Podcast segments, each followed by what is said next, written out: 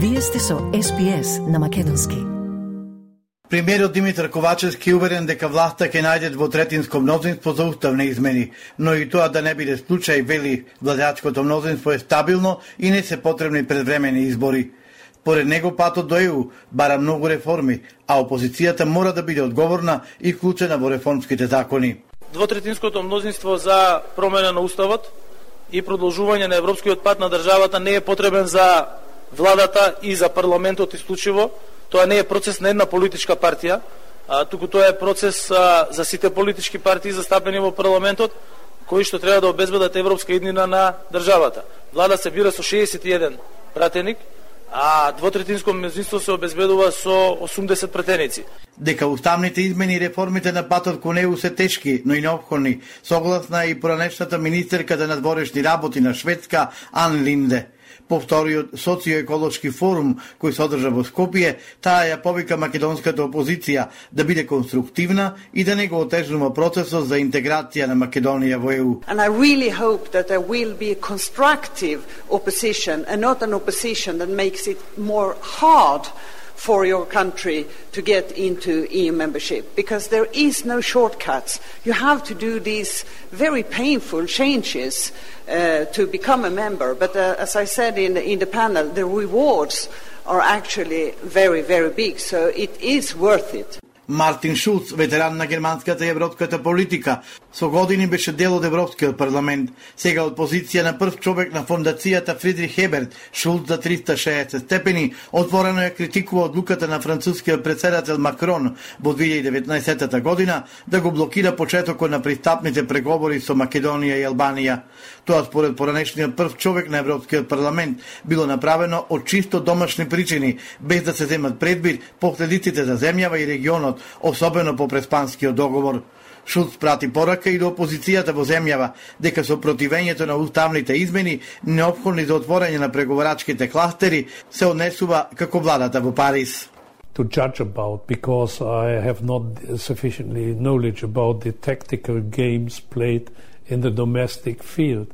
What the opposition in the country is uh, doing to try to uh, have an internal domestic profit from the difficulties of the government to open uh, different chapters of the negotiations reminds me to the behavior of the French government Партиите кои делат исти вредности се добредојдени за влез во владата, вели премиерот Димитар Ковачевски, откако потврди дека влезот на Алијанса на албанците во владата е се поизвесен. Сите оние политички партии кои што ги делат вредностите на нашата коалиција која што практично ја формира владата за продолжување на европскиот пат на државата, влез на Северна Македонија во Европската Унија, бидејќи друга алтернатива немаме, тогаш за такви политички партии нормално а, дека вратата во владата е отворена. И додадов, и исто така и денес можам да потврдам, дека за конкретни ресори и преземање на одговорности во моментов не е разговарано со оглед на тоа дека разговорите се водеа на ниво на а, политички концепт и на ниво на политички вредности. Првиот интегративец Али Ахмети на одбележувањето на денот на албанската азбука не ја негира информацијата дека неговата партија е подготвена на отстапки во најмалку две министерства. Во оваа фаза било рано за такви информации. Доколку успешно завршат преговорите за влез на Алијанса во владата, владиното мнозинство би се зголемило на 72 пратеници, но и понатаму ќе не достигаат 8 пратеници за внесување на бугарите во уставот. Опозицијската ВМРО ДПМН пак му испрати порака на мнозинството дека нема да дозволат менување на уставот побараа итно формирање техничка влада и предвремени парламентарни избори на пролет. Бугарската телевизија БТВ објави видео од инцидентот во кој маскирани лица го демолираат бугарскиот културен центар Цар Борис III во Охрид. Бугарското министерство за надворешни работи го осудува оштетувањето на културниот клуб Цар Борис III во Охрид, кој се случи на Океска. Таквите постапки намерно ги попречуваат напорите на воспоставување пријателство, добрососедство и соработка, како водечки принципи во односите меѓу Бугарија и Македонија, соопштија од МНР на Бугарија. На снимките од безбедносните камери се гледаат три маскирани лица како фрлаат со предмети, најверојатно камења кон клубот, при што се кршат прозорците на влезот на објектот. Од Охридската полиција уште вчера потврдија дека прозорците од просториите и дел од светлечката реклама, каде стои надписот на клубот во трговскиот центар Аман во Охрид, се оштетени, а инцидентот, како што рековме, се случил 5 минути после 2 часа. Портпаролот на СВР Охрид Стефан Димовски вели дека се уште работат на пренаоѓање на сторителите и расветлување на случајот. Ова е втор напад врз просториите на Друженијето Цар Борис III од неговото отпорање на 7 октомври. Пре неколку дена, Друженијето го одбележа едногодишното функционирање од регистрацијата. Централниот регистр пред 4 дена и официјално ги известил подносителите на барањето за регистрација на Друженијето Цар Фердинанд дека барањето се прогласува за неподнесено. Причината е тоа што во дадениот рок подносителите не ги остраниле недостатоците односно не добило одобрение за името од Советодавното тело за употреба на историски имиња.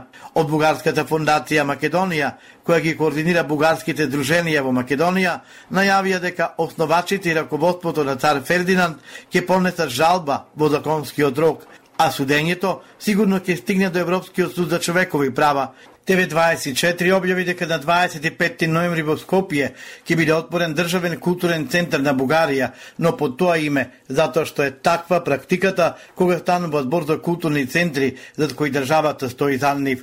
Во Софија веќе со години работи државен културен центар на Македонија, изјавуваат за ТВ24 високи дипломатски извори евроскептицизмот кај македонските граѓани во подем. Последица се бугарските барања во францускиот предлог, покажува истражувањето на порталот МКДМК, а проведено од агенцијата Marketing Vision.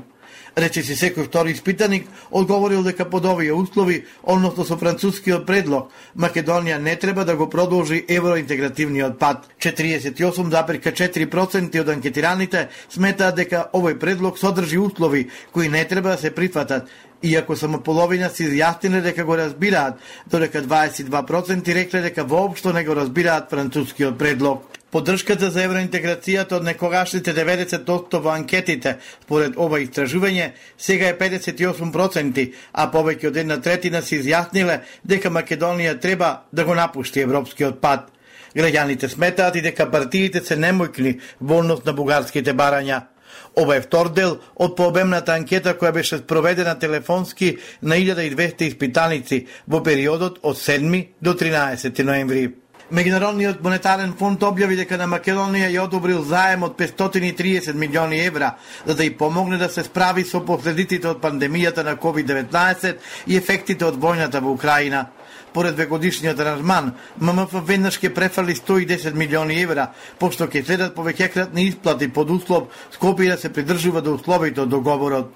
Шефот на ММФ Боли ја пофали здравата политичка рамка во земјата пред пандемијата, велики дека таа поттикнала солиден и широк раст, сумерен јавен и надворешен долг. Сакате ли да чуете повеќе прилози како овој? Слушате подкаст преку Apple Podcasts, Google Podcasts, Spotify или од каде и да ги добивате вашите подкасти.